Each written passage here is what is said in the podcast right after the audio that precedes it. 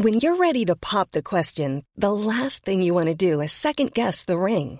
At Bluenile.com, you can design a one of a kind ring with the ease and convenience of shopping online. Choose your diamond and setting. When you find the one, you'll get it delivered right to your door. Go to Bluenile.com and use promo code LISTEN to get $50 off your purchase of $500 or more. That's code LISTEN at Bluenile.com for $50 off your purchase.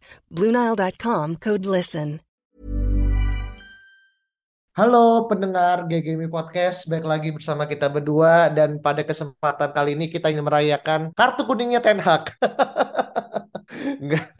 kita merayakan tentang bagaimana MU berhasil mencuri dua gol ya karena sudah ada lagi tidak tidak ada lagi gol tandang dan gol kandang di marka, markas Camp Nou dan ini sesuai dengan ekspektasi gua pribadi karena gue cukup yakin MU akan melaju ke babak 16 besar. Tapi fokus pada pertandingan kemarin Win. Hmm. Melihat ada perubahan formasi yang menurut gue cukup radikal ya. Nggak hanya di Xiao dan juga Malaysia yang sering kita dengar, tapi tentang bagaimana penempatan Wake Horse yang ternyata di nomor 8 hmm. bareng sama Fred menggantikan Bruno yang ada di sisi kanan. Nah, lu gimana akhirnya melihat formasi MU kemarin? Kalau formasi sebetulnya itu juga udah expected ya bagaimana di episode sebelumnya gua sama Saung juga udah membahas kemungkinan bahwa sepertinya antara Fred dan Horse ini akan di ditugaskan untuk mematikan Frankie De Jong. Nah, dan ternyata kan Fred yang ditugaskan. Dan itu udah benar-benar expected. Mungkin yang agak membingungkan adalah yang kita sempat debatkan kemarin ya, antara gue Mas Saung adalah siapa yang akan bermain di bek kanan, apakah Dalo ataupun Wan Bisaka. Kalau gue udah tau lah ya, gue pasti pro Diogo Dalo. Dan juga kalau Saung udah pasti pro Wan Bisaka. Dan ternyata memang Wan Bisaka yang akhirnya bermain. Tapi itu akan kita bahas nanti. Cuma kalau masalah gelandang, again ya itu expected dan menurut gue itu cukup bekerja dengan baik karena pada akhirnya kita menang duel di lini tengah dan kita bisa mengimbangi itu daripada kita cuma memainkan Casemiro dan Fred dan juga mungkin Bruno yang secara mungkin defensif oke okay, cuma kadang-kadang dia tuh sering nggak menangin duel juga gitu dan mungkin satu hal yang bikin MU main bagus di tengah adalah Casemiro itu sendiri. Kalau misalnya tengahnya ada Fred, Sabitzer dan juga mungkin siapa gitu, mungkin nggak akan sebagus kalau ada Casemiro. Jadi tetap menurut gue kuncinya adalah Casemiro. Hmm, oke. Okay. Jadi di sini adalah bagaimana kedatangan kembali ya setelah Casemiro kan dua match ya di Liga Inggris ya, tidak bisa hadir uh, karena kartu merah gitu kan. Dan kemarin benar-benar kelihatan bagaimana meskipun ya beberapa kali kita juga kocar kacir ya di babak pertama menit-menit awal dan juga pada beberapa kali gitu. Termasuk mungkin kita akan ngebahas bagaimana terjadinya gol kedua yang uh, adanya salah clearance ya Vin ya dari Casemiro yang akhirnya ngebuat Rafinya bisa nyetak gol gitu. Tapi kita mulai dari bagaimana akhirnya momen ketika uh, MU kejebolan duluan. Gitu kan. Ya. Dan di situ kan suatu hal di mana mungkin ya sebagai seorang ngerasa apakah ini adalah suatu tanda kalau kita akhirnya mungkin akan terbenam gitu. Eh tapi justru akhirnya kita berhasil dua gol bahkan ya akhirnya melewati sebelum akhirnya disamakan. Nah kalau misalkan ngelihat secara uh, taktikal gitu. Tadi kalau sempat bahas ya bagaimana akhirnya Wakehorse dan juga Fred ditugaskan untuk nge-benchmark Casey dan juga De Jong dan terbukti berhasil gitu. Tapi kalau lo lihat dari bagaimana akhirnya Marcus Rashford sekali lagi ya menjadi aktor uh, kemenangan ya satu gol dan juga satu apa ya gue bisa bilang ya kemarin ya pre assist atau mungkin indirect assist. ya, kepada ya. Konde gitu. Lo ngeliatnya gimana nih? Rashford sendiri yang kemarin menjadi gue yakin sih anti hero nya buat buat uh, di Barcelona sih. Iya iya Rashford sendiri sebetulnya ya di media itu udah bilang bahwa Xavi udah menyiapkan plan untuk mematikan Rashford gitu. Dan ternyata plannya tidak berhasil ya karena karena Rashford berhasil cetak gol cetak assist juga dan juga mungkin beberapa shot juga ya yang mungkin ada yang melenceng, ada yang ditepis juga sama Ter Stegen. Jadi menurut gua plan Xavi untuk mematikan Rashford ini tidak berhasil menurut gua. Dan hmm. kalau di media malah dibilangnya adalah Rashford bermain seperti ya layaknya di playground gitu. Dia bisa bermain sesuai keinginan dia tanpa harus banyak atau mungkin ada penjagaan yang khusus gitu. Nah, melihat permainan Rashford sendiri kemarin gue juga sebetulnya merasa cukup puas sebetulnya karena di peluang di mana dia mencetak gol itu menunjukkan tenangnya dia gitu dalam sudut sempit dan juga tendangannya itu kan di near post. Yang mana itu juga gue yakin Ter Stegen gak nyangka bahwa tendangannya itu akan melewati mungkin bawah tangannya dia ya. Biasanya kan pemain bakal ke far post, tapi ini ke near post gitu. Bahkan gue pun juga sempat kaget. Cuma memang ada beberapa peluang yang mana peluang kedua ya kalau nggak salah setelah gol itu di kalau nggak salah ini 70-an di mana kita juga sempat build up dengan sangat baik. Ada Casemiro, Fred, Weghorst juga sepertinya terlibat dari sisi kiri kemudian ke tengah, kemudian ke kanan itu Rashford ada momen di mana dia tendangannya nggak begitu tenang dan akhirnya tendangannya melenceng ke atas kanan gitu. Itu menurut gue sangat disayangkan karena kalau dia sedikit lebih tenang lagi atau dia mungkin bisa melakukan crossing itu menurut gue ya itu akan jauh-jauh lebih mungkin bisa memenangkan kita gitu. Jadi memang dia konsisten ya mencetak satu gol. Cuma kalau dia bisa lebih tenang lagi dia bahkan bisa cetak lebih dari satu, satu gol ya. Hmm, ini ya ibaratkan kemarin tuh Rashford mungkin kerasukan arwahnya Benzema kali. Ya. Benzema atau Vinicius mungkin ya. Iya. Iya iya iya iya. Tapi kemarin uh, ketika kita menggunakan baju putih itu mengingatkan kita pada El Clasico ya ujungnya oh. itu karena di Mad eh di MU sendiri kan kental banget ya. Ada Casemiro dan juga ada Varane yang kemarin by the way Varane tuh menampi, uh, penampilan ke-50 buat MU ya di semua pertandingan dan juga gue baca statistik uh, dengan adanya Bruno dan juga Casemiro di lini tengah, MU itu dari awal tidak pernah kalah gitu ketika akhirnya mereka hmm. berdua bermain bareng gitu kan. Dan kemarin terjadi lagi ya bagaimana akhirnya kedua dua maestro ini akhirnya bisa mengontrol di tengah dan meskipun agak digeser ke kanan tapi itu kan yang akhirnya banyak orang pikir kan Bruno tuh nggak akan jadi nomor 10 seperti yang mungkin dia oleh dia Ragnik gitu kan. Dan dia akan jadi mungkin uh, apa ya mungkin shadow shadow right wing kali ya atau mungkin uh, left wing gitu nanti akan kita lihat di musim depan gitu. Nah tapi gue pengen merujuk pada satu momen ya di mana kemarin ada quote unquote gesekan ya antara uh, Gav eh uh, itu gak iya Gavi ya Gavi dan ya, ya juga uh, Casemiro yang ditutup dengan apa ya adu body antara Casemiro juga Varane. Gue ini pasti nih langsung Madrid connection dan pasti para fans Madrid akan langsung ini gue banget. itu lu ngelihat momen kemarin dan juga rivalitas antara dua tim ini dan kemarin akhirnya Tenak berhasil dan siapa namanya? Safi pun juga memberikan ini ya apa salut ya. Bahwasanya MU sekarang adalah spektakuler dan ya mungkin nggak ada yang ngira gitu kan anti Rashfordnya yang ada di Araujo akhirnya malah berbalik arah gitu kan. Tapi apa yang lu bisa lihat atau bisa petik dari kemenangan sorry gue kemenangan karena hampir menang sorry yang hmm. akhirnya kita lihat dari match kemarin Vin kalau misalnya masalah Casemiro dan juga Varane ya, yang mana setelah Casemiro juga mungkin bukan ngebody ya, tapi agak nahan badannya gitu dan menahan jalannya Gavi gitu kan. Dan itu habis itu kan Varane sama Casemiro hmm. langsung tepok dada gitu kan kayak wah ini dua Madrid nih gitu. Iya. ya.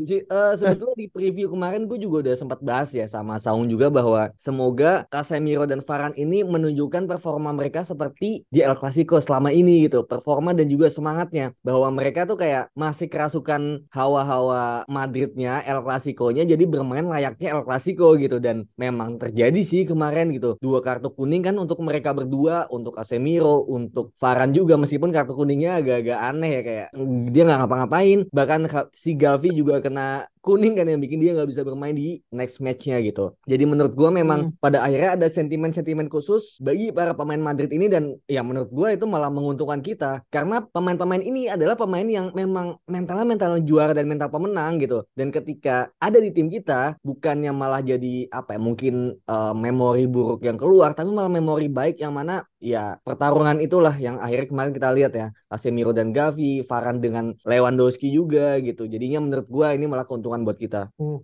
iya, dan kemarin tuh ya ternyata gue lihat suatu statistik kalau total yang nonton pertandingan Barca M itu di angka 118 juta apa ya? Uh, hmm. Pokoknya itu lebih tinggi dibandingkan match di uh, apa namanya Liga Champion gitu kan.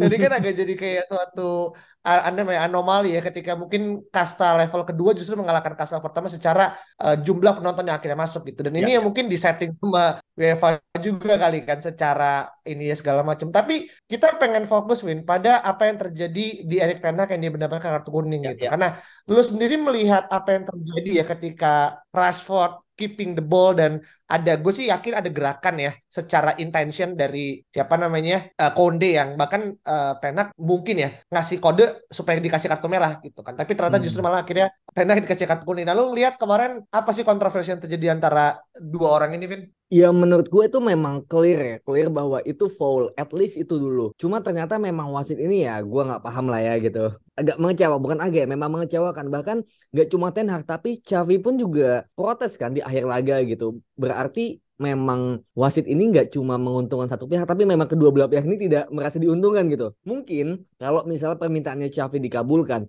dan Ten Hag juga dikabulkan mungkin kayak ya udahlah mungkin skornya tiga tiga tapi at least kita puas dengan kinerja wasit gitu hmm. cuma memang kemarin itu ada kartu kuning nggak jelas yang Casemiro ya gue nggak tahu kenapa. Kemudian juga uh, Rashford itu yang menurut gue itu memang harusnya setidaknya ya setidaknya pelanggaran dan kartu kuning gitu kalau nggak mau dikasih merah ya. Kalau penalti kan itu emang dia di luar jatuhnya di ya. di tackle-nya ya. Dan kalau hmm. misalnya bilang handball Fred ya menurut gue apa ya? Ya menurut gue sih tangannya Fred ya memang memang ada di sana gitu mau diapain lagi tangannya? Kan gitu bisa dipotong ya kan gitu. Jadi menurut gue memang tangannya memang ada di sana dan nggak sengaja mengenai gitu. Dan menurut gue sering sekali juga kejadian seperti itu dan tidak diberikan penalti. Dan kalau pada akhirnya harus diberikan penalti menurut gue lebih cocok pelanggarannya Wan Bisaka kepada Jordi Alba yang mana di oh, iya babak pertama ya kalau nggak salah yang mana ya, uh, nggak aware sama sama belakangnya diambil Alba dan tackle telat gitu lah ketika uh, Alba nge-shoot kemudian Wan Bisaka tackle ke kaki itu kaki loh gitu. Jadi menurut gue kalaupun penalti itu yang harusnya lebih dikasih dan gue juga wah ini kalau penalti sih gue terima gitu karena memang bego juga Wan Bisaka gitu. Itu sih menurut gue dan memang semoga ya wasit ini di leg kedua ini benar-benar fair Ya, gue sih kalau misalnya imbang tapi wasit versi ya, ya udah nggak masalah gitu. Cuma kalau nggak fair, menurut gue memang wasit ini lagi agak ini ya, agak disorot ya. Di Liga Inggris juga kemarin ada dua atau tiga momen di mana mereka kelupaan bikin garis offside itu kan sekonyol-konyolnya apa keputusan itu ya itu menurut gue gitu. Jadi emang wasit ini dalam beberapa minggu terakhir lagi sangat dipertanyakan sih. Mm-hmm, ya, tapi in the end of the day ya kita hanya bisa menerima dan untungnya mungkin uh, dari pihak Barcelona ada dua pemain ya yang akhirnya dan itu kita patut terima kasih ya pada solorannya Fred yang harus yang membuat akhirnya uh, apa Pedri ya harus tidak bisa hadir kan uh, pada babak besok di Old Trafford gitu. Dan uh, dan kalau ibu tanya ya kayak ke mana sih Martinez ke mana uh, Sabitzer gitu. Nah mungkin gue mau jelasin Sabitzer ya. Sabitzer tuh ternyata kena tiga kartu kuning dari pertandingan antara Munchen lawan Inter Barca dan satu lagi gue lupa siapa ya. Makanya dampaknya tuh di MU juga sekarang yeah, gitu. yeah. nah untuk uh, Lisandro gue nggak tahu nih. Lo ada update nggak tentang Lisandro kenapa nggak main? Lisandro sama kartu kuning juga ada tiga gitu di Europa League. Kalau nggak salah lawan Sociedad lawan apa melawan apa gitu kan. Dan memang kita udah tahu itu kan dari setelah Sociedad kita udah tahu bahwa next matchnya kita bakal nggak diperkuat sama Lisandro. Dan itu kita udah tahu gitu sih. Yang yang mendadak itu kan Sabitzer yang kita juga hmm. nggak ada yang tahu bahwa oh ternyata dia tuh ngebawa suspension dari Bayern gitu dan ya ternyata tanpa Sabitzer tanpa beberapa pemain penting kita menurut gue ya ya kita cukup berhasil gitu ya bahkan di 10 menit pertama gue kaget bahwa MU itu bisa menguasai pertandingan benar-benar hmm. bisa main, bisa keeping the ball yang mana kalau ini kejadiannya di selain Ten Hag menurut gue kita udah mungkin sit deep, parkir bis dan juga ya berharap yang terbaik aja gitu kan. Kayak dulu-dulu. Cuma sekarang tuh kita benar-benar menjadi tim yang ditakuti oleh semua tim, bahkan Barcelona yang katanya king ya, king Barca dan juga uh, pemuncak klasemen di Spanyol gitu. Cuma ternyata ya menurut gue ya nggak lebih susah dari Leeds sih sebetulnya ya. di luar dari di luar dari kualitas pemainnya itu sendiri gitu. Tapi dari matchnya Leeds lebih sulit menurut gue ya. Hmm, hmm, hmm. Iya iya iya iya. Ya, ini juga jadi anomali ya. Kayak atau jangan-jangan karena kualitas dari Liga Inggris yang terlalu tinggi gitu kan. Hmm. atau emang akhirnya kita udah bisa ngebaca sistem apa ini pakai sama Barcelona karena ya itu, kalau kita lihat di Karena kalau lihat kan juga sebenarnya MU dan juga Barca sekarang juga menempati peringkat satu dan tiga ya. Barca di peringkat pertama bahkan berarti kan kita mengalahkan quote unquote ya uh, karena mentalnya udah mental menang gitu. Tim nomor satu di uh, Liga Spanyol gitu kan. Yang mana gue cukup yakin nanti di babak di Old Trafford kita bisa berbuat banyak lah. Tapi gini, kemarin banyak yang ngomong kan kalau kemarin aja kita bisa menahan Barca tanpa adanya Anthony, tanpa ada Martinez, tanpa ada Sabitzer, tanpa ada Erikson, tanpa ada Anthony Martial gitu kan. Kita nggak usah nyebut Scott dan juga Van de Beek yang mungkin uh, cedera segala macam dan mungkin levelnya nggak di atas itu. Nah, lu ngelihat apa nih yang bisa kita simpulkan dengan skuad yang ada ya, yang compang-camping kita bisa akhirnya bakal merebut angka dari yang kemarin. Ya, ini menurut gua bukti dari kejeniusan dan juga mungkin pemahaman ya akan kelebihan dan kekurangan dari tiap pemain oleh Ten Hag. Yang mana ketika kita menghadapi Barcelona yang lini tengahnya tuh ya bisa dibilang superior lah. Ada empat kan.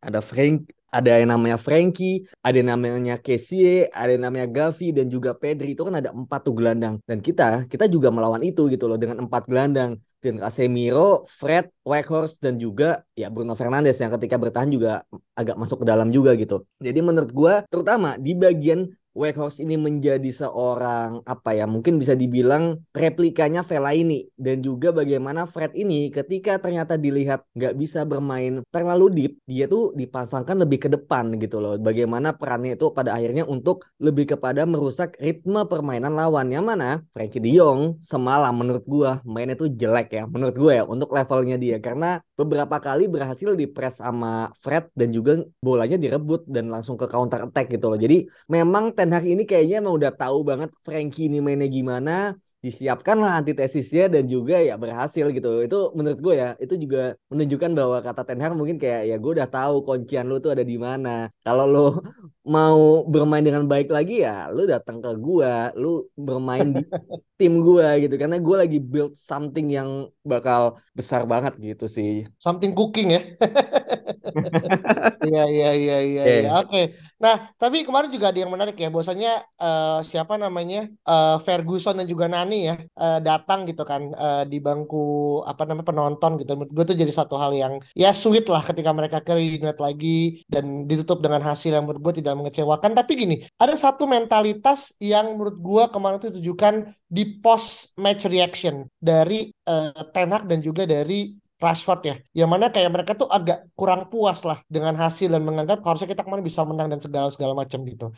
Ini adalah satu hal yang mungkin kita apa ya kita nantikan kali ya, di mana hmm. mungkin buat fans itu udah jauh lebih dari cukup ketika kita bisa uh, mengantongi dua gol gitu kan, dan kita besok akan main di Liga Inggris, eh main di uh, apa namanya Old Trafford tapi buat mereka is not enough gitu kan. Nah mungkin terakhir kali ya Vini sebagai suatu bentuk ketika akhirnya kita melihat hasil kemarin gitu dan berkaca pada pertandingan minggu depan apakah lu cukup entusias dan juga cukup uh, yakin meskipun ini akan dibahas berbeda ya tapi ya, dari ya. hasil yang kemarin deh lu ngelihat kira-kira apakah chance kita untuk lolos ke 16 besar ya dan juga aktif di empat kompetisi yang seperti yang dikatakan sama Paul Scholes kan di pre di pre match gitu kan quadruple it's still active and still on gitu.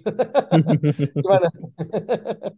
Menurut gua dengan permainan seperti kemarin dan juga mungkin ya ada perpaduan antara jadwal dan juga skema pemain, skema permainan juga. Menurut gua dan mentalitas ya, mentalitas bagaimana para pemain MU itu tidak puas. Bahkan gua pun adalah menjadi salah satu orang yang agak merasa ah kita jelek banget nih drawingnya gitu. Ketika di drawing waktu itu ya di tahun lalu kalau nggak salah kita dapatnya Barcelona.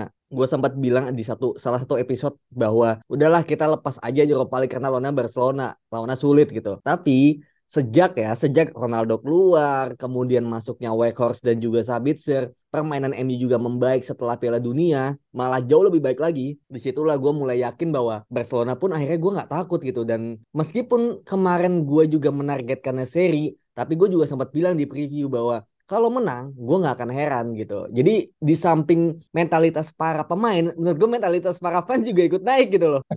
Tadinya mungkin expect-nya ya udahlah kayaknya kalah atau mungkin kayaknya imbang, tapi gue pun juga bisa expect menurut gue imbang tapi kalau menang gue juga nggak akan heran dan kemarin menurut gue MU itu sangat pantas ya buat menang ya karena ada momen-momen di mana MU itu juga melakukan peluang membuat peluang yang sangat berbahaya gitu dan XG-nya juga MU kan uh, lebih dari dua ya kalau nggak salah hmm. atau hmm. dua tapi Barcelona cuma satu gitu jadi menurut gua dengan hal seperti ini kemudian nantinya leg dua mereka kehilangan pemain cuma mungkin um, ada kembalinya Sergio Busquets ya yang mana bisa membantu Frankie dalam mengontrol lini tengah dan sisi MU di mana pemain-pemainnya akan kembali Licha, Sabitzer dan mungkin ya Scott dan Anthony juga bakal kembali untuk leg 2. Menurut gua chance MU untuk bisa menang itu jauh lebih besar apalagi mainnya di kandang gitu. Jadi menurut gua sekarang memang um, kita harus fokus ya untuk pertandingan lawan Leicester yang bakal kita bahas juga di next apps-nya. Cuma menurut gua tiga pertandingan ke depan ini akan sangat-sangat penting karena lawannya adalah Leicester home. Bisa uh, kita bisa mendekatkan diri juga kepada peringkat dua dan menjauhkan diri dari ranking 4 kemudian kita akan melawat